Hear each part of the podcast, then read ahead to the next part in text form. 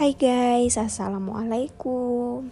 Nah, di episode kedua ini saya ingin membahas cara penyebaran virus COVID-19 Sebagian besar orang yang tertular COVID-19 akan mengalami gejala ringan hingga sedang dan akan pulih tanpa penanganan khusus. Namun sebagian orang akan mengalami sakit parah dan memerlukan bantuan medis. Virus dapat menyebar dari mulut atau hidung orang yang terinfeksi melalui partikel cairan kecil ketika orang tersebut batuk, bersin, berbicara, bernyanyi, atau bahkan bernafas.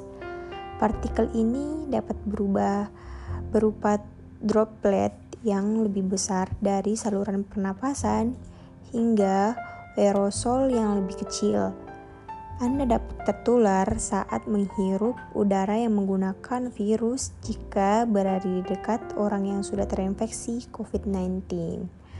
Anda juga dapat tertular jika menyentuh mata, hidung, atau mulut setelah menyentuh permukaan benda yang terong terkontaminasi. Virus lebih mudah menyebar dalam ruangan dan di tempat ramai.